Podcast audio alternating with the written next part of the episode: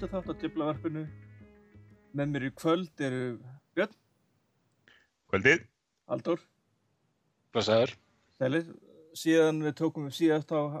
er United búið að klára einn viðskipt en Viktor Lindelöf er orðin leikmar Manchester United eða það þarf að segja verður að 1. júli og er þetta ekki bara flott fyrsta skref, Björn? príðilegt. Við einn af fjórum, við búin að tala um það síðan í, hvernig var það ljóst að það væri fjórir á lista. Það var einhvern tíma fyrir nokkrum mánuðum. Já, Og það var, nú var, er búið að var, gefið svona sterklega skinn að vera fjórir. Ha, þetta já. að það og það var alltaf fjórir og, og við erum búin að klára þetta og þetta var það sem að við heyrðum fyrst um þann í janúar hann svo lítið skrítið þá en það verði líklega hvað hátt í tvöfalt það sem við erum að horfa á núna. Og hérna ég er bara viðjöndi verð 31,7 miljón punda og, og hækkar um einhverjar 5 miljónir efra uh, held ég eiginlega alveg öruglega og aðrar 5 ef að Lindelöf verður næsti Baresi eða eitthvað. Já, þannig að við getum, getum alveg reikna með 5 miljónu erum í viðbútt en, en hitt er, er ólíklegt. Já, náttúrulega fólk er náttúrulega með það kemur á þessum verðum bara svona, þú veist, að drepa það pælingu náttúrulega er er bara að markaðarinn er bara orðið nýttari heldur en hann er orðið miklu líktari og, og hérna við höfum skoðað svolítið í blogginu verið að bera saman eftir að við gerðum það fyrst í fyrra að bera svolítið saman verð á leikmönnum eða við veldu já, einmitt, á í tengslu við Pogba þá hefum við verið að skoða þetta svolítið og þetta er þetta er eins og þetta, þetta er duglegt en ekkert, ekkert opbóðslegt það, kann- það sem kannski helst er náttúrulega gæti orðið stærra og við tökum það það verður ekki ljóstinn fyrsta september er það að það er eitt kannski að kaupa Lindelöf á þetta sem er þó sambærilegt og hvað Michael Carrick hérna nei reyndar ekki, var ekki, er þetta ekki allir minna? Þetta er þó nokkuð minna en Carrick. Þetta er- jú, ég held það. þetta, hvað er þetta, þetta var rúmlega Jones og Smalling eða cirka einhvað þannig og hérna, en það sem er kannski að fara að gerast í sumar er það að við erum að fara að kaupa kannski fjóra leikmenn á verði sem að við keiftum kannski ekki nema tvo á góðu sumri hérna áður fyrr. Þannig að það, eh, það býður betri tíma við erum ekki búin að kaupa neina aðra þannig að hann er svo eini núna og, og þetta er strákur sem er með búin að koma vel upp byrjaði, fór beint inn í unglingaliði hjá hjá Benfica og byrjaði þar í varaliðun og sem reynda spilar í annari deild í Portugal þannig að hann er, hann er ágætlega hertur í, í, í svona grottabolt einhverjum. En það er enginn að segja mér að sé spilað spilað einhver sambataktik í, í annari deildin í Portugal og þetta er svíi, hann er með hausinn á réttum stað það er nú hann að, hérna það er oft, oft hann að þeir sem koma hérna á norðan eru svona aðeins Já, þeir, þeir, þetta, er, þetta eru varnamenn, þetta eru, þetta er eins og, eins og þeir sem koma austan frá það, aðeins, aðeins meiri ægi kannski í, ákveðnum hlutum ef við, ef við vonum að, að, að þe- þeir fordómar séu, séu rétti þá hef ég af þessu. En en Halldór, hérna, United náttúrulega he- hefur ekkert farið allt og illa þegar það fengið til sem svíja en þetta er svo fyrsti sem er keiftur í peningum og kemur semst ekki að láni eða frítt Ert, ert þú ekki bara spenntu fyrir að sjá hann með Erik Bæi í vörninni í vetur? Jú, algjörlega. Ég, bara því meira sem að maður kynnti sér þennan stráka þá bara því meira er maður spenntur fyrir honum að, að, að, hérna, hann kemur rosa vel fyrir. Það það var mjög skemmtilegt þegar hann var, þegar hann var búinn að skrifa undir þegar þetta var gert, gert ofinbert fyrsta tísti hjá United þá var uh, vísaði það í sagt, uh, á Twitter aðgangin hjá Lindelöf og þá var hann bara með allt á sænsku þar. Eh, hann var ekkert búinn að vera neitt að færa þetta yfir í, í portugalsku eða, eða ensku eða neitt sko, hann var bara ennþá með þetta allt á sænsku, bara einhverju upplýsingar um sig og ég held að gott að hann týst ekki meira minna bara á sænsku Bara Ronny Malhan eitthvað, já, já, og hérna, hann hann var fljótur að breyta því, sko, og náttúrulega búin að tvöfalda followerina síðan, síðan þá og, og hérna, gaman að sjá hann, hann er að, uh, kynna sér söguna og fór beint að kíkja á þetta sem að uh, United býður upp á heimasíðinu síni þar sem þú getur flett upp ammælisteinum þínum og, og séð hvað hefur gerst í, í, í hérna síðan þá og svona uh, alls konar upplýsingar. Þetta, er svona bara þetta, þetta er lítill hlutur en þetta er svona skemmtilegur hlutur. Hann, hann greinlega verðist hafa mjög gaman að því að vera komin í þetta félag og, og, og ég er mjög spenntur að sjá, sjá hvernig hann kemur inn og hvernig hann uh, spilar sérstaklega við hliðin á uh, Erik Bæi og ég held að, ég meina auðvitað getur náttúrulega vel verið að hann takja hann smá tíma að aðlagast ennska boltanum og bara, og bara aðlagast í að, að vera komin til Manchester United uh, ekki það reyndar að, að Bæi hafi þurft einhvern svaka tíma til aðlagast í og ég held að þessi gutti sé alveg með sjálfströð líka þótt hann þótt hann hafi virkað svolítið svona uh, sé, ekki, ekki, ekki beint sveit og þetta með sænska hann, hann var svona kannski héttrægur bara frekar. Já svona þetta var að viðtali, sástu viðtali við hann hann sem svíjanir svíjanir náðu að tala eitthvað við hann heima á hóteli bara strax ennum kvöldi sko. Hann ég, sá, ég var, sagði ekkert og sagði bara veist, frábært að vera komið til United og svo bara það eru að vinna með það inn. En það er líka virðist vera bara eins og nákvæmlega sko, eins og spilastílinn hans því að hann er gríðarlega yfirvegaður og, og hann fer ekkit, hann hleypur ekki neitt panik þegar, þegar hann er með boltan, mjög svona, já eins og segja, hann er bara mjög, mjög yfirvegaður og, og svona inn á vellinum af því sem maður hefur séð, séð hann spila þar, þá virðist hann hafa fullt sjálfströst á eigin getu bara með boltan og, og hérna, þannig að það er mjög gott og ég er bara eins og segja, það, það er svona Uh, kveikir í manni þessa spennu að, hérna, að sjá hann spila. Það er nákvæmlega það sem hann er keiftur í sko, spila já, með bóltan já, já, hann á eftir að geta nýtt sér uh, hann er mjög duglegur í það að sko hlaupa og nýta sér pláss sem myndast og opnanir, svo er hann náttúrulega með þessar þrjusu sendingar, hann að geta fundið menn sko, hann að geta fundið til dæmis Pogba mjög duglega og, hérna, og það, þannig að þetta er bæði sóknarlega og varnarlega afar spennandi hlutir sem að getur fyllt þessum leikmanni. Já, talandi um leikmann sem er ja, ekki örugur á bólta og er ekkert sérstaklega dögulegur að finna leikmann frá vellinum en það eru búin að sterkir orðum að Chris Smalling sé að fara frá United og þá líklega til annars lið á Englandi og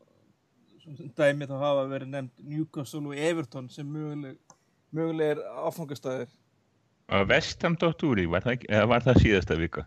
Það gæti að hafa verið síðasta vika, en Vestham eru er, er orðaðið við alla eitthvað með henn. Já, þeir eru einhvern penning. Ég smóling er að fara, það er,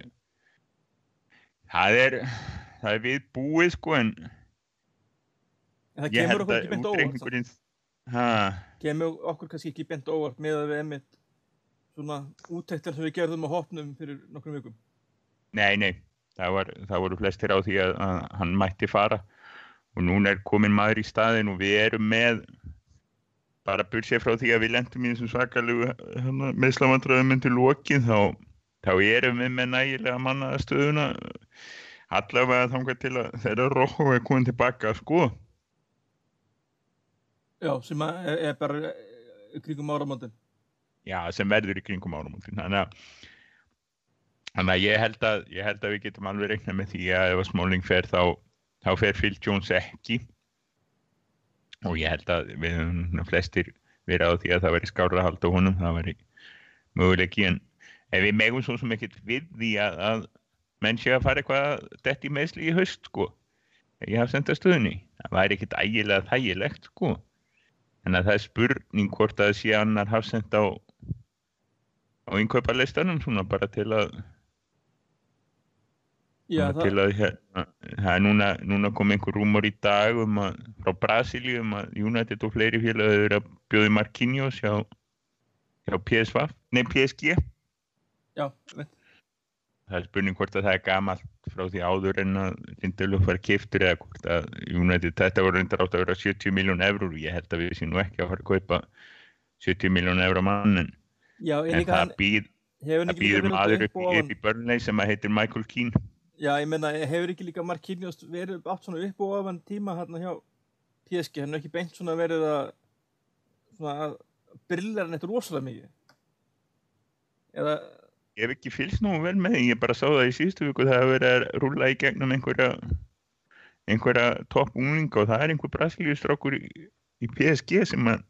hérna, ég sá ekki betur en að væri Hafsend sem að er vist búin að spila einhvern, einhvern makkar leikjum í, í, í vetur og eftir jól og, og hérna, ég veit ekki hvort að hann er að taka eitthvað eitthvað af Marquinhos en ég þekki það bara hninnlega ekki og hérna, ég skoði það ekki að ég, ég var, ekki að, var ekki að hugsa Marquinhos var, eh, hann hefur dottið svo mikið út úr slúrunum og þetta er bara núna í eftirmiddag en, en eins og ég segi Michael Keane býður upp í bönli og ef að, ef að hérna ef að United ákveður að taka hann þá, þá kemur hann. Hvað segir þú Haldur hérna, Chris Smalling að fara allir líkinn að fara og, og þá Kín eða hvað Marquinhos í staðin hvað, Sko, ég, já, hvernig horfður hann þetta var, ha- hann var nú að gifta sig í dag, Smáling, sá ég, á Ítalíu, það voru hérna, einhver hálft liðið þarna í giftingunni, þriðji leikmaður í hjá United á einni viku sem að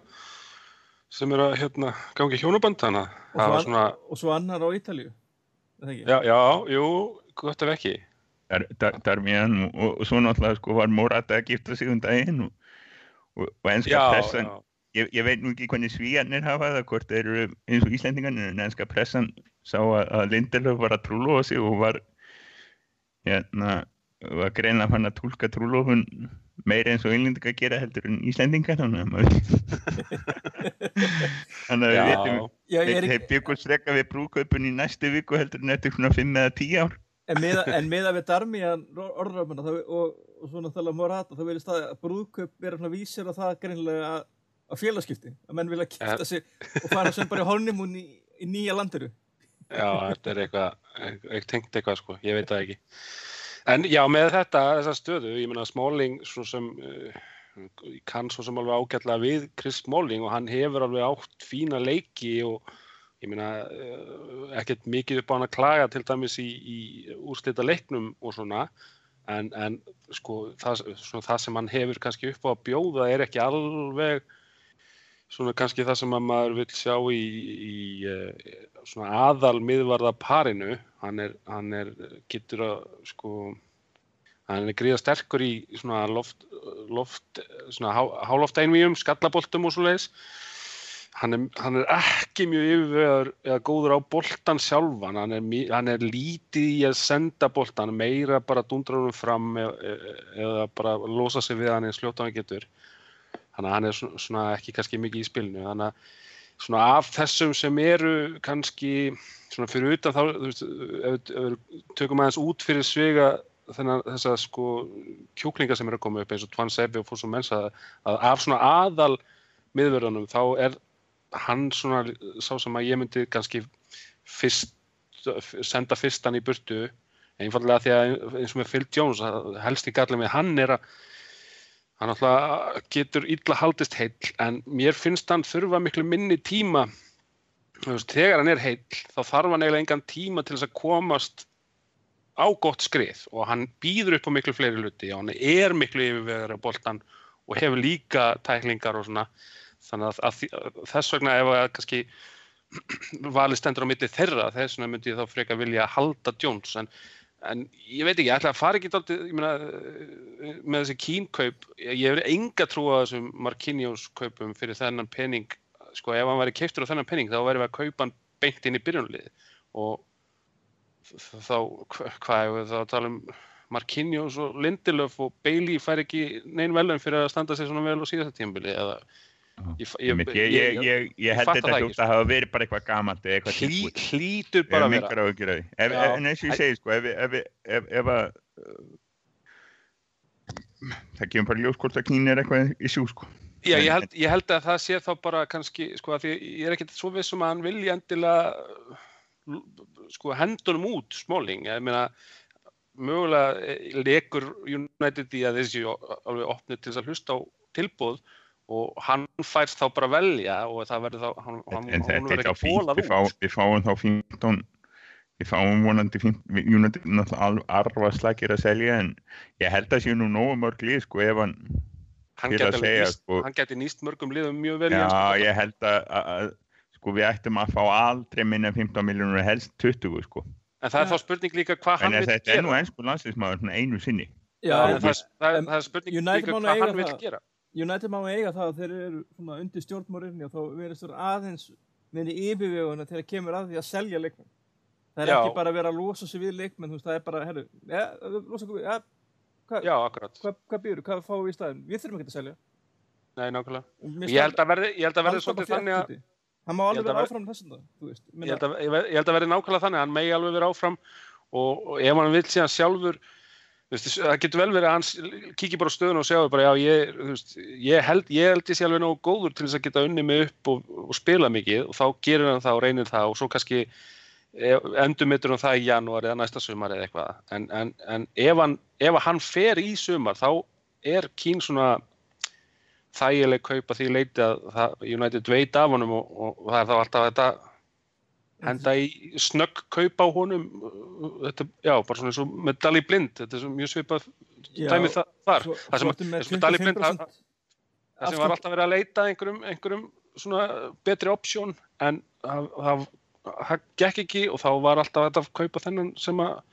við vissum að við getum alltaf fengið. Já, kannski munur, en þetta er fínt, munur við er fáum kannski sá að 25% afslátt af kín eða við fáum 25% af því ef hann fyrir eitthvað annars með þá kannski 6 miljónir og segjum, seljum hérna smáling á 15 og þá erum við konið með sko 2-3 af lindilof þetta er allt fínt. Svo erum við að fara að selja mann núna bara á næstu dögum þegar að Anna Janus segi ákvöður að hvort hann ætti að taka, að taka David Moyes Tribute Tour áfram og, og fara til Sociedad. Já, það, ég sá, það var virkilega gott. Ég veit ekki Þetta var ekki orginal hjá mér, ég get ekki inn en mér finnst þetta, þetta, má lifa sko, En, hann, fær á 10 miljónir, það er fínt, hann, er ekkert að gifta sig eða nýbúin að gifta sig svo þú veitir til. Hann er, að er mjög er að er hann er að að eyða er að klárlega tilgætu hjá mér að náðan. Það er típiskur Janus og bara að- með að óstuða á hann eyðileggja eyðileggja það. En hann að Haldur burt sér frá þessum hann að Moist tímabili þar sem að hann átti svona nokkra frábæra leiki þá Já. hefur Janus ekki verið að sína neitt, sérstakt og ekki hjá Sönderlanda sem hann fekk að spila þá helling og með þjálfararnu sem að hann veist, kom upp hjá hjá United er, veist, erum við nokkuð að fara að gráta hann ég ég tala ekki um ef að, ef að það er rétt að United sé með svona svona first option á honum eða, eða svona eitthvað kaupa tilbaka klásulu Já, einmitt, það, ég meina það er mjög sniðut að setja það í eiginlega, ég held að sé bara sniðut að setja það í alla samninga ég held að við við höfum alveg lært það, það er mjög, ef þú ert að selja svona leikmann í yngri kantinum þá, þá setur þú svona option í, eða svona klásula að geti keift hann aftur eða allavega hafir forgang í það sko þannig að það er mjög sniðut ég, ég hugsa hann hafi nú uh, spilað sinn síðasta leik fyrir Manchester United og, og þetta er, mjög, þetta er svekkjandi með hvað hann síndi svona fyrst en, en uh, við höfum alveg séð svona unga leikmenn sem hafa uh, sínt eitthvað smávegið svona og svo, svo valdi vonbröðum eftir það og Maketa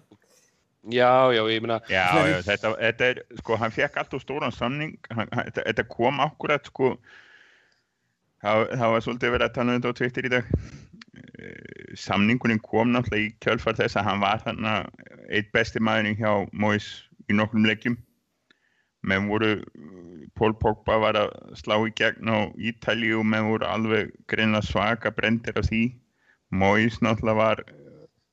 í þvílíkum erfiðum málum að, og gera allt vittlust í leikmannamálum basically.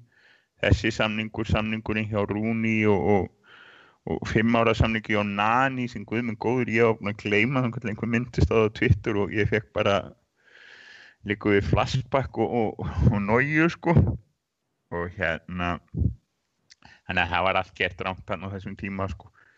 En eh, menn segja bara hreinlega þannig að það sem hafi klikkað er hann, bara mentalitet hann hafi ekki það var einhver hérna hann hérna blaðamar á menn aðal United maðurinn Lockhurst hann týst í dag að það væri núna þannig í unlingaliðinu hjá United eða einhver var ekki að hérna virtist ekki vera með rétta attitúti þá var hann kallaði litli Janúsæ sem er náttúrulega skelvilegt var, var ekki talað um að að það væri notað fyrir sérst, ennskórðið flaky sem ég veit ekki alveg hver var í besta íslenska þýðingin en, en bara ótröstur er mjög ótröstur Já, mitt. En þegar, það er mitt það sem að svo svektu við að því að, að, því að þegar að komu fréttirnar hérna, um að hann hefði farið með enga þjálfara með sér til, uh, var ekki Dubai, hann og, og Sjó, jú, að þá einhvern veginn held maður þá svona, ég, man hvað ég var ánæður með það, bara ekki já, ánæður með guttan að hérna, hann ætli að sína bara á sanna að hann hafi karakterin í þetta, hann hafi hugafarið í þetta en svo einhvern veginn náði hann ekkert að vinna sér almennilega úr því og le- fór náttúrulega á, hrí- í ríkalegt var ekki til Þýsklands já, það var kannski það var hefur það bara vonlust það bara var- var að í sko, liðið já. sko. Nei, nei. Og hann virðist ekkert hafa, þú veist, geta nýtt tíman einu sinni vel til þess að byggja sig upp eða neitt og ég meina, það er þetta hrikalegt að, þú veist, Nei, nei, ríkart að ætla að sína sig, já, ætla að sína sig, ætla að sanna sig og fá svo bara ekkert tækifæri til þess og það er örglega erfitt að ná sér upp úr því en, en, en ég meina, hann náði sig ekki haldið á Sönderland og ég meina, Það- Eins og það segja, ég- ég ósk- fyrir ekki að ég gríf fram í sko, en af því þú segir þetta, hann stóð sér ekki á Sönderland og það eru sko það, maður hefur alveg séð að menn hafi komið tilbaka eftir að bara staðið sér alveg þokkalega í lánunum. En, en mér finnst alltaf sko að jável þó ef að menn eru komnir yfir í 20, 21 tökja eins og núna menn eru. Ef þú ert ekki áberandi góður, kannski ekki endilega bestur, þú ætti ekki að vera bestur en menn er ekki áberandi góður hjá liðinu sem er að spila fyrir í láninu. Þannig að maður myndi ef maður var að horfa á þetta lið hugsa, það væri fínt að hafa þennan gutta hjá Jónandin þá er þá er eitthvað sem vantar. Þá er eitthvað að. Þá er eitthvað sko þá er, þá er hann ekki að sína það að hann eigi afturkvæmt sem ég held að veri nákvæmlega máli með, með, með Janús að hann fer á hann fer á 10 minnum pund og, og það verður mát upp í nös á, á, á moratakettinum það er bara fínt. Bara Aha. gangi honum vel. Það verður bara, ég vona hann gangi vel. En þetta var rosalega fín spilari þegar við sáum að hann að hvað bestan hennum árið og, og hérna í réttu liði þá er aldrei að vita hann, ef, ef hann hefur einhvern svona einhverja vassburðar menn við hliðin á sér og, og fær smá, smá Já, tíma á boltan hann getur orðið fínt, bara gangi honum vel. Maður myndi vilja kannski líka sjá hann kannski með eitthvað góðan þjálfara ég náttúrulega er ekki vel að mér hérna í þjálfaramálinn hjá Sósjöldad síðan er Ráku Visseling Smóis en, en, en það er bara spurning, kannski bara er það lítil pressa á hann þarna, veist, ekki fallbaráttu endilega og að það kannski hentar hann bara þarna að koma á út úr skilinu og kannski sína hvað hann getur. En svo er náttúrulega er, fengum við fimm daga hérna þar sem að Rúmur Millan fór á fullt en, en Kristján Ronaldo átti það að hafa heimtað að fara frá Real Madrid. Það var brjálaður yfir einhverju og verði bara að koma sér burtu strax og, og, sá, og þá komu einhverju slúðraðar um að eina liði sem að Ronaldo myndi fara, til, fara frá Madrid til var í United. Svo, en svo við náttúrulega sáum kannski svolítið í gegnum þetta enda við erum brendir af svona nákvæmlega þessum tegundum orðum um undanfærin ár. En en þetta hvað ef sem komað upp í hugar hérna í, þó að það ekki verið nema kannski tvist og þrísvar hérna þess að daga er, er hefði verið þú veist, hefði Ronaldo kaupin verið eitthvað sem meikaði sens haldur já, engi spurning. Ég meina, kaupa einn af, an, sko, an, bara það er hægt að færa rauk fyrir því að hann sé besti leikmaður í heiminum. En í öllu falli er hann alltaf annar af tveimur langbestu leikmönnum í heiminum í dag. Þannig að bara það að fá hann inn í lið myndi gefa liðinu svo margt, margt meira heldur en bara það að fá eh, eitt besta leikmann heims inn í, inn í lið ég meina hann kemur bara með ákveðið hugafara ákveðin metna sem að smitar út frá sér og, og sér, þið sjáu bara hvað hann, hef, hvað hann gerði fyrir portugalska lið þótt hann væri sjálfur ekkert endilega að spila það vel. Og hérna þannig að ég- engin spurning að ég, þú veist, uh, maður svo sem gældi ekkert endilega mikið við þessa hugmynd sko, var, það var, var helst það að þetta virtist vera svolítið öðru seldur þegar hann hefur bara verið á eftir nýjum samningi, af því hann hann er alltaf stutt síðan að skrifa undir nýjan samning þannig að ég hef ekki trú á til dæmis að hann hafi verið að gera þetta bara til að fá nýjan samning. Þetta var náttúrulega út af þessu skattavesinni og þessu, þessu skattaruggli sem er í gangi á spáni núna þessa dagana þannig að það var svona kannski helst það sem var svona uh, sagði manni að mögulega gæti þetta verið eitthvað aðeins öðru sí en þrátt fyrir það þá var það ekki eins og maður verið farin að kæla kampavinnið og, og hérna, býða spenntur eftir þessu. Maður svona bjóst við að þetta myndi bara leysast úr þessu að því þetta var, þetta hljómaði svona eins og bara svolítið drastisk fyrstu viðbröð að hérna, svona tilfinningarík viðbröð og, og, og sem myndi síðan vera hægt að leysa úr svona þegar það er að kólna aðeins. Þannig að, það virðist hafa gerst nákvæmlega þannig. En ég meina, auðvitað, ef, að, ef að það er möguleiki þá auðvitað þarf United að, að allavega uh, tjekka á því. Þú maður skilur það mjög vel. En það var einmitt málið sko, náttúrulega eh, allir brendir á þessu það var náttúrulega ansi mikið hefi viðbröð víða að bara hættið að tala um þetta, ekki velta ykkur upp en það var enginn að gera það sko, meira að segja ég, mér langaði, mér langar í hann heim og það undir réttum kringustæðum og ekki um mikinn penning en, en, en, það er allt í lægi að velta því fyrir sér sko. Og, og ég held að menn hafi alveg, alveg skoðað það og en það var líka komið fréttamenn, bladamenn, mjög trösti bladamenn með hverja grein á fætru annari að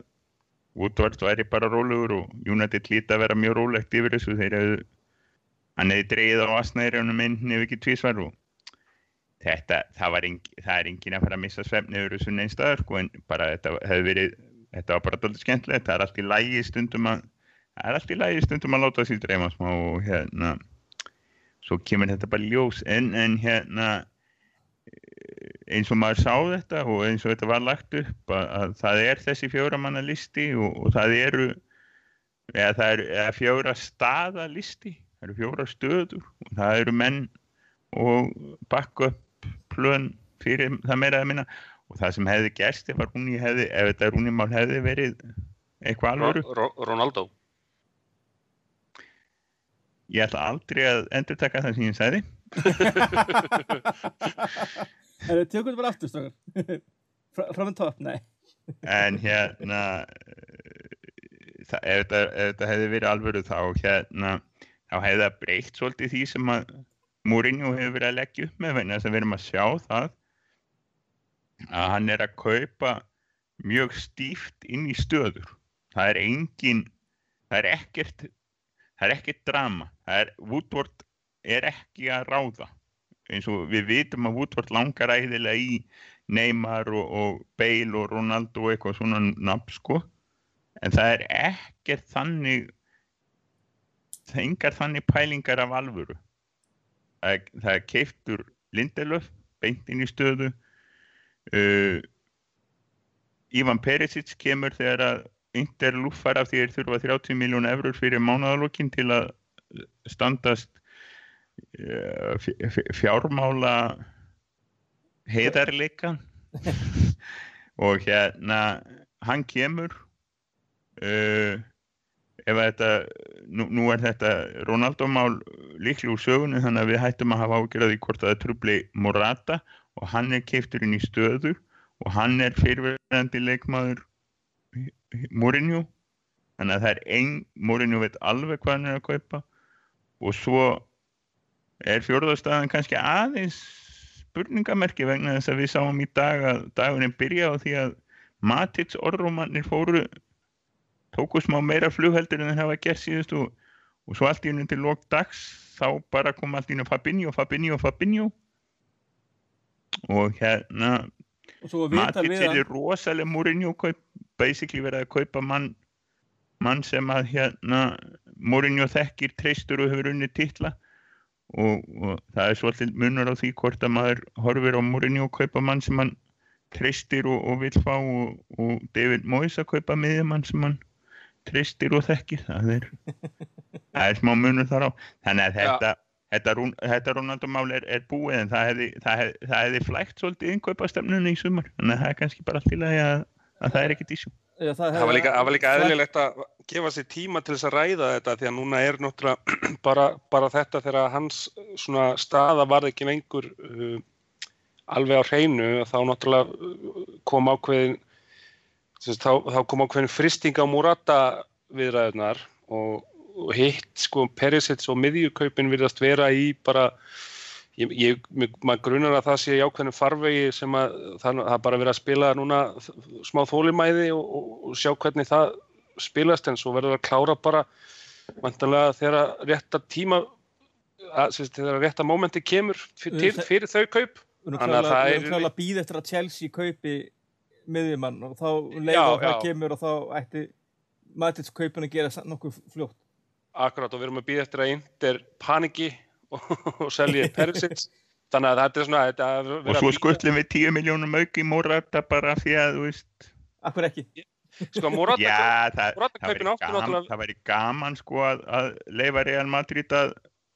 að, að lúfa smá. já, En ég held að, ég veit ekki, það eina, eins og ég segi, það eina sem að er allt í hennu núna er það að Fabinho er aftur orðið issue. Það kom, það er einhver ítalskun blaðamaður, uh, þeir eru tveir og ég er ekki með, það er, uh, Giulianetti er sá sem enginn treystir, samkvæmt Twitter, en það var annar blaðamaður hjá Corriere dello, dello Sport sem að kom með frétt í morgun sem þetta í Corriere dello Sport að hérna að sem þetta Fabinho væri, væri issue, þetta væri eitthvað sem United væri bara að skoða. Og svo var Fabinho í viðtali í sjómarp í kvöld sem ég var ekki búinn að sjá en var spurður út í tengsli við United og, og brosti við stóða fallega og klampuði um í augunum um það að þetta væri nú allt voða áhuga verðsvegna þess að United væri fíl klúpur sem er nákvæmlega það sem þú segir þú ert orðað við stórlið sama, sama hvað er þannig að að það gæti verið, við skulum ekki alveg afskrifa Fabinho sem ég veit að sum okkar eru ægilega spennt fyrir. Ég klálega, sko, ég hérna bara líka það að hann getur leist bakvörð og er náttúrulega er að upplægi hægri bakvörður, þannig að er þokkulega góður hvað það var að. Já, náttúrulega þetta er fyrsta tímabil sem hann spilar m- meira á miðjunni heldur en í bakverði, þannig að það gæti verið það sem að kannski letur Mourinho til að vilja kaupa hann. Það, ég meina, að þetta viðtal náttúrulega, hann var spurður hva, hvað mynd, hvað mynd, hvernig myndi þér líða ef það kæmi og eins og hann það, að ta- þá þurfti hann að setjast niður og tala við umbúsmannin og ræða við félagið og eitthvað. Am- am- Svona, þetta getur hann sagt ímislegt í viðtölum og allt það en eins og, eins og maður las úr hans orðum að þá fannst, finnst mér ólíklegt að, að, það, sé, að það hafi komið einhver, einhver, einhver tilbúð eða einhverja viðræður. Þannig ég hugsa, ég hugsa að hann sé ekki möguleiki eins og þetta var náttúrulega var ekki lekið í blöðinu, komið ekki frá félaginu, þeir var ekki á, á höftunum eftir hann. Og það Jú, svona, það var eitthvað, það var allavega frá frekar tröstum, þeir eru þannig nokkri blaðamennir ennþá þó að við, þó við gerum svolítið grínaðum og, og, og okkur vantar og það hefur sárvantað blaðamenn sem virkilega vita, það er voða lítið lekið í, í blaðamenn hjá Já. United síðustu fimm árin svo. nema, nema markvist bara, nema Nema, mark- nema þegar Já. það er hringt í það á alla sko. Já, þegar, já. þegar Þetta kom frá tveimur eða þreimur þannig að þetta var svona Já, en, já, en en það ég getur alltaf breyst sko, menn geta náttúrulega alltaf líka skipt um skoðun og Svo getur, svo getur bara hreinlega verið að, að, mitt að, að Matits máli sé að ganga of hægt og, og þeir sjáu hérna, ekki fram á að, að hann verði laus en tíma þó sé bara næsti maður á lista. já, þeir vilja bara segja við Chelsea sko, þú veist, við Við- vitum að þeir vilja losna við hann og Já, við erum að skoða aðra Gæti, Þetta gæti konar verið alls alveg- þeir alltaf eru á, alltaf öðrum levelum heldur við sko, hérna, þessir sem er í, sjáum þess að vera sko, það er alltaf eitthvað svolfræði. já, Matits hefur náttúrulega líka umfram Fabinho að hérna hann hefur náttúrulega bæði aldrin og miklu meiri reynslu. Af því að Fabinho er, hefur, er náttúrulega að eiga svolítið svona tímabilið núna með þessu skemmtilega liði uh, og hefur, hann hefur til dæmis ekki eins mikla reynslu og matits af því að vinna, þetta var, þetta var þessi deildatitill núna, þetta var fyrsta, fyrsti titilli sem hann vinnur bara á, á ferlinum. Og hann hefur heldur ekki mikla reynslu til dæmis af eins og allir, allir hinn, segjum að matits séu fjóruðkaupin og þetta, þetta séu þessi fjórir, þetta séu Lindelöf, Morata, Perisic, Matits, þar sem þeir eiga allir samílegt það er mjög mikil reynsla og það þeir hafa allir unnið fullt af stöffi sko. Þeir hafa unnið deildir og byggara, þeir hafa sko meiri segja eins og, og, og Lindelof og Morata, þeir hafa unnið stormót með yngri landsliðum þeir hafa allir spilað með yngri Fabinho áreindar einhverja hvað er ætlaði einhverja þrjá, fjóra leiki með undir 23 ára landsliðinu, hann er ekki ég held að það sé ekki fastamæður í A-landsliðinu einu sinni. Þannig að þetta er svona, þetta gæti verið eitthvað sem hann hugsa líka til að því að það sem hann náttúrulega sagði um daginn var að það vantar svona karaktera í liði, það vantar þess að sigurvera, þess að sem að hafa það hugafar og, og þekkja það að, að vinna tilla og, og þetta er það sem hann er að fá í þessum fjórum leikmannum ef að, ef að þeir, þessi þrýr koma til viðbútar. Þetta er rosa, eins og ég segi, við erum við erum næstum búin að bóka þér og við erum að tala og ég er smá hrættu en ekki drosalega ég flettu upp á því daginn ef þú leggur sko þúsundkall undir á þessa þrjá leikmenn sem eftir eru Perisic, Matic og, og Morata þá færðu þá færðu ég, þá, þá, þá vinnur þú skall, þá færðu 600 skall tilbaka þannig að finnum krónu hagnaður og, og hérna uh, og, og stæsti hlutin af því er, er Matic hann er ólíklegastur, hinn er tveir eru mjög líklegir samkvæmt veðböngunum og, og ég held að við tökum bara undir það. Það getur allt breyst, þetta er, þetta er fótbólti þetta er það getur breyst á einum degi eitthvað en þetta er bara við bara erum rólegur þetta er, þetta er við tölum öruglega meirum það ef þetta gerist en þetta eru ekki mest spennandi kaupin. Það er enginn þannig sem Eddie Woodward er að fara að slefi yfir en það er verið að kaupa inn í stöður það er verið að kaupa í að þjætta hópin, gera hópin minna brótættan og fá karakterinn í lið það eina sem að ég hef smá á að gera er það náttúrulega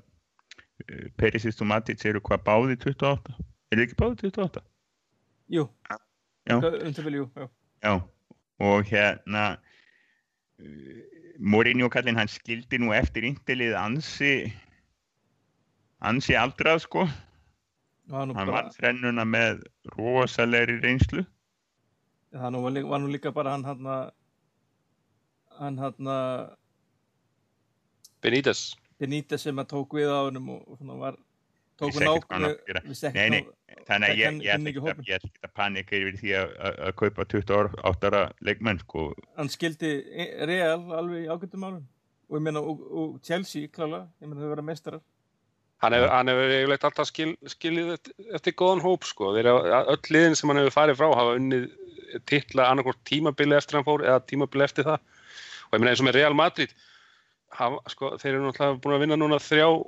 mestradölda titla á fjórum árum. Þegar að Mourinho tekur við Real Madrid liðinu þá hafa það ekki komist lengur, lengur en í 16 úrslit, sko 5 tímabili í rauð. Og hann kemur um fyrir að koma um í undan úrslitin, byggir upp lið sem er, er tilbúið að berjast um þennan titill þótt að hann hefur reyndur ekki ekki klárað það dæmi sjálfur og þá, þá ég minna hann allavega hóf það starf sem að síðan, síðan uh, aðri stjórar uh, þetta, er svona, þetta er svona oft spurningu um það hvaða stjóra þú farð eftir, á eftir honum sem getur þá tekið þetta upp á næsta level en þá meðan level ekki það, ekki það ég sé að bóka hann ekki það ég sé að bóka hann á útlið eitthvað en, en, en þetta, já En svo, svo er rétt ná hérna, skjótað hérna, að tala um hérna, hérna með, þú veist, ekki verið að kaupa veist, stjórnur, kannski ekki með svona, svona ekki svona stjórnuleipin sem að vútvartu en er þetta ekki bara, kannski tengist það ekki bara sem okkur, okkur eða mig alltaf sérstaklega grunn að að við erum að fá Anton Grísman verið keiftur næsta sömur og það verður bara ekkert að, að skemma fyrir því, það er bara að vera að undirbúa jarðvegir fyrir hann að koma inn í lið. Já, já Ég held, að, ég held að eftir að það klikkaði þá var bara, þá var bara plan B teki alveg mjög solid sko. Ég, ég hef með grunnabla sko, hann og Morata getur verið flotti saman sko. Er það ólíkir og, e, eflust, og hann getur spilað hans fyrir aftaran? Já, það væri mjög flott. Morata náttúrulega líkamlega sterkari. Þannig að ég held að þetta er alveg rétt hér. En bara það síðasta sko að því að við vorum að tala um þetta hvað, hvað, hvernig Mourinho skilur við. Ég sagði þetta þegar við vorum að tala um þegar hann var ráðinn. Ég sagði þetta við Chelsea menn sem hafa verið að skjóta. Sko það er bara allt í lagi að hann komi. Hann, hann kaupir fína leikmenn. Hann skilur, skilur, á, skilur ágætt og búi sama hvernig hann fer og hérna ef, ef hann þarf að fara því að stendur sér ekki nógu vel þá þarf ekki að kaupa kannski ég meina, já, vel þú verðum ekki það gangi ekkert vel með þessa fjóra leikmenn eða eitthvað sko og ef það gengur mjög ítla og hann vil láta hinn fara þá verður það af því að þá verður það af því að það er líka einhver verður ráðin einhver toppstjóri og toppstjóri getur gert ímislegt með þennan mannskap. Þannig að ég held að ég held að við við,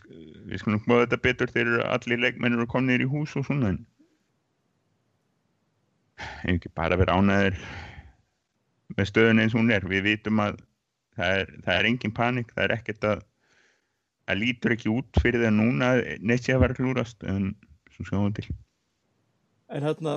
núna var á dögunum kom hérna pistill á þess að Rachel Brown Finnis sem er, er fyrirvændi knaspindukona og markverður spilaði meðal annars fyrir held ég Liverpool og Everton í kvennaboltanum að voru að með að tala um það að það væri rauninu sjokkarandi að Manchester United býði ekki upp á kvennafóbolta eftir, eftir 16 ára aldur og þá eru dæmum sko, efnilega le leikmenn sem er að koma upp og þurfa neðast til að fara til sko, góður, neðast til að spila fyrir Liverpool til að geta spila Antoni Bolta veist, af hverju ósköpunum er þetta ekki til staða lengur? Þetta ákvörðinu það var sko hvernalið var lagt niður 2005 þegar að hvernabóltin í Englandi var náttúrulega ekki næri var ennþá bara í, í hálfgerður Lamas Sessi sko rétt einhverja smá 2005, hm, hvað gerist 2005? Uh, kæfti einhver liði minna einhverja ah. kæft liði breyðinda breyting var ekki og svo, svo náttúrulega uh, hjálpaði ekkert að, að Sör Alex Ferguson er var stjóri og, og hérna hann, hann er Karl Trempa gamla skólanum held ég og var alveg saman þetta fannst þetta bara verið að taka taka fókus frá og klúpurinn var náttúrulega vissulega það var miklu minna umleikis það, það er það verður nú ekki tekið neitt mikið af, af, af eigandunum að þeir hafa vissulega uh, byggt upp alveg heilmikla maskinu í kringum félagið og umsögin hafa aukist mjög mikið en hérna ég, ég sko að, fara ekki í þetta bara ég vaði ekki í þetta og segja sko veist, við erum flottastir í þessu eins og öðru. Mér, mér finnst þetta bara leiðinlegt. Þetta er Ég raunir, ska, mér bara, ég svona, skammast mér bara pingulti fyrir það, mér finnst það því að við, við erum verið til, einna sem ríkastu klubum í heimi og, og allt það dæmi að, að þú veist, það er ekki bara það er ekki bara kallmenn sem að halda með Manchester United og, og horfa á Manchester United og, og spila og æfa fókbalta þú veist, þetta eru bæði kynin hafa, e, þú veist, þannig að þannig að þetta stuð mann bara, þetta er, svo, þetta er svona bara svona, svona réttlætti sjónami, vera svona ungu krakki hérna, ert strákur þá getur þú komið, þá getur þú lifa drauminn og fara eins og lingard og spila fyrir aðlið en ef þú ert lítið stelpað þá hérna, ertu að æfa hérna upp, upp í 16 ára aldur og svo þarf bara að drölla þér til City eða Liverpool eða Everton eitthvað bara til að þú veist, þú getur ekki verið með spila með þínu liði. Og það eru bara tvö lið á Englandi sem eru ekki með Björnberg Kvennabóta það er Manchester United og Southampton. Það eru tvö lið sem að verða í efstu deild kallabóltanum það eru þetta fleiri sem er ekki með kvennalið það eru bara tvö lið sem eru í úrvalstildinni og, og Southampton er sko var að tilkynna það að þeir ætla að vera með 21 áslið, þannig að þeir eru sérst að undibúa það, þannig að mjög, það er ekki ólíklegt að United verður síðasta liðið sem verður kvennaliðslaust, sem er gjörsamlega glatað og fáránlegt og það er, það, er, það er engin afsökum fyrir því, ég meina sjá bara hvað mannstu sitt hér að gera að þú skoðar til dæmis bara í, og kíkir á sko, uppgjörið þeirra þegar kemur svona árskíslan þeirra þar sem að sko, reik, reikningarnir eru, eru gefnir út og allt þetta að þá er svona yfirleitt yfir tímabilið og svona og þá sérðu bara leikmennir það er bara, bara leikmennir og þjálfararnir úr, úr báðum liðunum eru rosalega ábyrrandi og það er farið yfir það veist, hvernig var uh, mætingin, hvernig var sko áhórundar fjölgun á leikjum og allt þetta á milli og bæði kallalið og hvernalið er sko gert mjög ábyrgandi og enda líka eru þeir að gera frábæra hluti. Þess að þeir að gera frábæra hluti í kannaleginu þeir voru sko að sæna núna fengið á láni núna fyrra árinu uh, hana Carly Lloyd sem að var sagt, valin í janúar besti leikmaður heims í kvennabóltanum og, og veist, þetta er bara metnaður hjá þeim. Þeir, voru, þeir, þeir ráð, fá til sín einhverja sí. þrjár landsliðskonur, enska landsliðskonur og, og veist, þetta bara skipti máli. Og ég meina þetta er fáránlegt að vera humma þetta svona af sér og þetta er bara, ég meina, Alex Ferguson kom náttúrulega, er af þeirri kynslu þar sem að sko hvenna fótbólti var bara bannaður í Englandi. Og reynilega bara ekki til. Já, Já hann var bannaður. Hann var, sko, til, hann var til fyrir 1920, hann var bannaður 1921 og var bannaður í 50 ár af, af því að þeir töldu að þetta væri óholt fyrir líkam að hvenna. Þetta, og það, ég meina, þetta er bara hugsunargangur háturinn hjá, þannig að Alex Ferguson er af þeirri kynslu en ég meina, en það er samt ekki afsökun. Og svo, ertu, svo, svo ég meina, þú veist og, og, og svo er verið að segja það að já, ég meina, það mun koma niður á kallaliðinu það er bara kæftæði United er það ríkt félag að það mun ekki gera það. Og, og það ætti ekki að skipta máli þótt að myndi gera það. Og svo erum við með Ed Woodward og þetta markast teimi sem að bara, þú veist, þeir geta gert samninga og mala gull á núlu framleiðendum og traktoraframleiðendum þeir geta alveg markast eitt gott kvennalið. Og getur gert eitthvað flott flotta markasettingu í, í kringu og líka, já. Og svo líka e e eitt Það er eitt í þessu sem ég ætla að koma að. Ég vil yfirleitt ekki vera hósamannsistir sitt í mér er meinýtla við það. Og það er nú eitt sem þeir hafa notað helvitis olíupinningana sína í af miklum krafti. Uppbyggingin á, á þessum City Campus ég held að kalla þetta bara hennilega campus sem það umhverfið hann í kringum hérna Empty-Had er bara orðið mjög flott og þeir eru að vinna rosalega mikið í alls konar græsrótastarfi og hérna þetta er bara sem, a, sem, að mun, sem að mun örgla skila sér bæði í knaspinnulega skilíki og markast já, ég meina þetta mun skila sér. það kemur að því að þeir fylla völlin já, ekki strax það verður bara það að þeim sem þeir alveg Já, en ég, en ég meina þeir, þeir eru þá einoga þennan hluta markanum að því að United er ekki að gera það. Já, United, United er með ákveðið þessu yngri starf, sko. Nei, sko, þetta yngri flokkastarf, það er ekki eins og rekið af félaginu sjálfu, það er rekið af hérna, MU Foundation sem er eitthvað góðgera félag, tengt United. Já, það er tengt United, en það er ekki, félagi rekur ekki sjálft. Æfingaðastan er annar stað Já, já, en City náttúrulega er búin með þessar rándir akademíu en veist, þeir eru ekki að taka þessar leikmenn upp í lið og, og þeir leikmenn sem eru komið þeir eru að losa sig við það því að þeir sko, smelt passi ekki hérna í hugmyndafræði hans. Nei, nei, en ég veist, þeir eru þá allavega ekki að tapa peningum á því og ég meina kannski hitta þær á einhverjum stjórn og eitthvað. og það. Er líka eitt punkt sem ég náttúrulega kom inn á sem að mér finnst ekki vera galin pæling. Alltaf, við erum alltaf sem United stjórnismenn eða allar fyrir það allar þeir sem búa í Manchester eins og einn lesandi okkar. Þarna að það verður alltaf mónt okkar því að United séu með fleiri stjórnismenn í Manchester að Manchester séu rauð. En sko rúmlega helmingur af mannkennu eru konur. Og ef að konur eiga ekki breyk United. Hvað er þá til að stoppa til bara, þú veist, færa yfir í í City? Þetta er raunveruleg pæling? Þetta er mjög, mjög að, góð pæling ég held að kannski stoppa ekki alveg. En, en þetta verður, þetta hefur meira áhrif. En allavega við þetta er, þetta, ég held að sé óvægt að segja þetta er bara ömulegt Já, þetta, þetta, þetta yngri flokkastarf er mjög lélega afsökunar því að meina, það var viðtal við einhverja sem vildur reynda ekki koma fram til nafni og það, var, það er óanægja með það enda líka, þú veist, það er ekki strákarnir sem æfa á þessum aldri, æfa á Carrington þetta, því þetta er sko ekki reykja félaginu sjálfu heldur sérst, undir foundation sem einhvers konar man einhvers svona talent uh, eitthvað. Þetta- þannig að þetta er, þeir, þeir fá að æfa í United treyjunum en þær, þú veist, þær eru samt einhverja 15 km í burtu og finnst ekkert þú veist, þær sem eru að æfa, þær upplifa sig ekkert almennilega sem hluta af félaginu. Þetta er bara- maður hefur þetta er bara séð þetta meira spurning- hjá, hjá sumu meistaraflóksliðum Eh, hvernig var það? Chelsea íslensku, það er íslensku sem hafa verið hjá Chelsea þær tala vel um það. Ég held að Liverpool hafum tíma verið frekar slagt í sko samræmingu milli meistaraflóksliðana þannig að meira segja, það er meira segja að klúra þessu sko þó, að- þó að klúburinn sé með meistaraflókslið hvenna sko. Þetta Já, já, en veist, það er þetta þá skárra að hafa- ákaflega mikið bakkvort dæmi hann að þessi en þetta er, þetta er að batna, þetta er byrjað að koma í sjónvarpið að fara að sína frá þessum leikjum. Þetta Já, bara þetta- United, Þetta er sýnt- sko, þetta er á BBC og BT Sport og allt sko. En það, en það er mjög stallega, það sem er kannski jákvæmt við, við þessu þú veist, þarna umræðina sem kemur í kringum þetta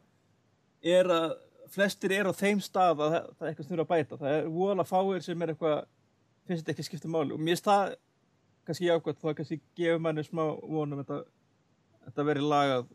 fljótt, eins fljótt bara mögulegt er. En það komum við hérna núna í þessari viku þeirri síðustu tveir ansi svona, skrautlegir orðanumar svo maður orðið ekki sterkar en einn orðanumar var að sá að að Joe Hart og allir vörðum væri eitthvað sem var, var inn í að vera að spá að fá til, það er að segja ef að ef að hérna ef að tekja að færi til Real Madrid og við veit ekki hvað, hvað Romero, er Romero myndi stinga af líka? Þetta sem er sko ég veit ekki, ég hérna ei, bara, þetta, er, þetta, er, þetta er bara handstán þetta er fáránlegast orðrumum sem maður bara lengi heyrt ég veist þú það þarft að getur þarft ekki verið að alvöru sko, að framkvæmdastjóri sem fái borga fyrir að vera framkvæmdastjóri topplús horfi á sko, hvað Joe Hart var að gera á Ítalíu í vetur og hugsi, aaa, kaupum hann. Er bara hann gerði með landsli, búin að gera með landslinu eins og til langa tíma, ég meina hann var ekki ég meina við þökkum fyrir það þetta, við veist bara, Já, takk við- Joe Hart þú lifir alltaf í hjarta mínu. Þú mátt alltaf en, en svo kom annar orðlöfur sem var bara, það var bara bara núna í í gær, það var bara um morgun, það var bara og allt glóðandi, herði Robert Lewandowski er brjál vill fara frá bæjan, er óanar stuðning og hvað bla bla bla. Og er á leiðin til Englands í viðræði við Chelsea og mögulega Manchester United. Og maður svona, ok, wow og svo te- og þetta kannski sló hérna Ronaldo metið því þegar að vera fljótt að klára því að það kom yfirlýsing frá bæinn um að það væri ekki til í þessu. Og ef að lið væri að reyna að semja við hann annars að þeir koma þá færi kærið kæri til FIFA. Og síðan þá hefur ekkit heist, ég meina þetta er, heitir ekki silly það þarf að selja smetli og blöð. Þetta er bara, þetta var hilarið en þetta var rosalega flott bæinn en maður er búin að vera í þessu það er búið að semja við alla leikmenn sko, Perisic er búin að semja við United Morata er búin að semja við United. Liðin veit ekkert af þessu. Veist, sem er ólöglegt eins og bæinn segir. Og samt sko ég ég, ég átta ekki alveg á þessu sko. ég, ég, ég ég held reyndar í flestum mörgum tilfellunum þá eru sko kemur nefndur talar við og fær leiði til að tala við leikmærin og svo, ok, og svo semja við upphæðir við liðin, en þeir náttúrulega mega ekki ræða við þá án vitundar klubban og svo líka þegar klubban segist ekki vita neitt þá segir heimlega bara að þeir eru ekki gefa neitt upp held ég. En annars ætla ekki að grípa hugum fyrir. Það er allt í lagi, ég gerir það nú oft. En hérna nei, nei, þetta er æ, ég- en, en það, það var bara mjög ánægt vegna þess að ég hef ekki séð, ég sé ekki Lewandowski er ekki að fara frá bæinn mun það er það er Þetta- engin, þetta- þetta sérstök ástæði fyrir hann Þetta voru samt mjög skemmtilegi klukkutímar þegar maður fekk að gæla við þá hugmynd að að Lewandowski væri að koma. En maður svo sem var ekkert eitthvað að fara að bóka það heldur. En, Nei, en, þetta hljómaði einhvern veginn þú veist að náttúrulega ef hann væri ekki bara nýbúin að skrifa undir samningu þá hljómaði þetta nákvæmlega eins og bara eitthvað sem að kemur þegar leikmenn vilja fá samning eins og Sergio Ramos oh, já, ég er, samt, ég er alveg hrikilega ánægði með bæinn að bæði sko tengslum við Ronaldo og tengslum við þetta að þetta er bara svona no nonsense, bara bara, þetta- málinu er bara eitt með einhvers, einhverju yfirlýsingu. Það er bara nei, við höfum ekki áhuga að kaupa hann eða nei, við ætlum ekki að selja hann. Og það er bara málið dögt það er ekkert verið að uh, það er ekkert verið að gefa sko orðrómunum orðrómunum færi á að vaksa eða, eða neitt svo leið ég, ég, ég kann vel að meta það á svona á þessum tíma árs. Já, og líka, hérna, og líka svari, svari kemur líka svo fljótt. Og það er bara að vera, nei, það er ekkert að gerast Ég sá, ég sá reyndar aðtiklisverða samsæriskenningu á Twitter eh, í kjölfari á þessu. Og það var að, að sagt, ég, ég held að upphaflegi upphaflega slúðrið hefði komið frá Sky. Og þá var verið að tala um það að Sky væri bara að pumpa upp viðskiptin hjá Sky Bet með, með alls konar orðrómum sko. Þetta er mjög þetta, þeir hafa er örgulega mókaðinn pinningum á þessu Lewandowski orðrómi sko. öruglega. Þetta er, þetta er nefnt mjög oft, sko, þetta er, þetta er ekki nýtt að nálinu, maður hefur séð þetta, sko, hinn er frægu Sky Sources, sko, það er ein, þeir einu sem mega nú alla við því að gaggrina eru vinnur okkar hjá Manchester Evening News sem eru með jafnvel lélegri slúður deildeldur en Sky Sources en, en hérna, nei, þetta, þetta Sky mál, þetta er, þetta ætti að heita er- Manchester Evening Clickbait bara til að vera honest. Þetta er nákvæmlega máli en hérna nei en, en, en, en þetta ég meina eh, þetta er allt í lagi. Lewandowski og Hart þetta er, þetta er mesta bullslúri sem hefur verið og það er komið næstu í mánuður af og þetta er það versta sem við lendi það hafa verið verri það hafa verið verri silly season sko. Herru, já, sem að það, hérna, ég fe- gef mér smá hugmynd, það er hérna, hérna, það er náttúrulega alltaf gaman af svona, svona heimskulu orðurum svona eftir á. Þannig að ef þið eru að hlusta, og ég vona að séu fleiri en tveir, eða- tvö eða þrjú,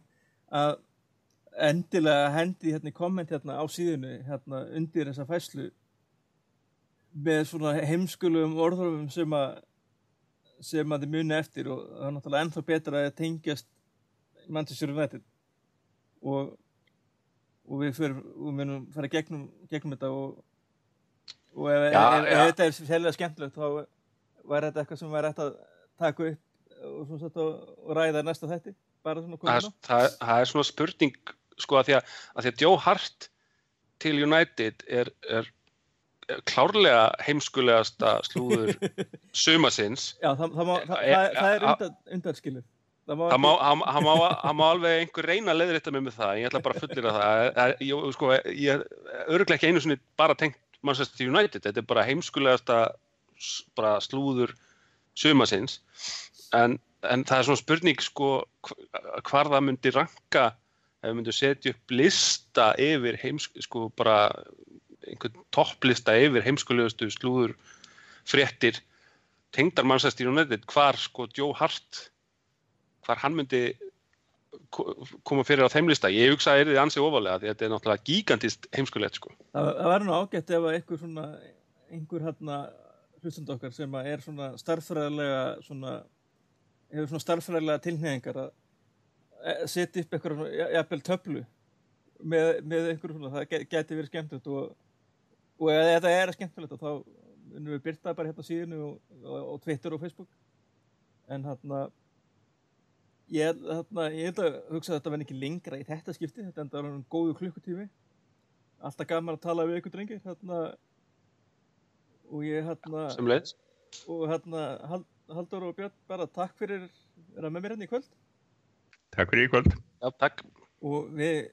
stefnum að vera með ykkur í næstu ykkur nema eitthvað óvænt kom upp á. Séum það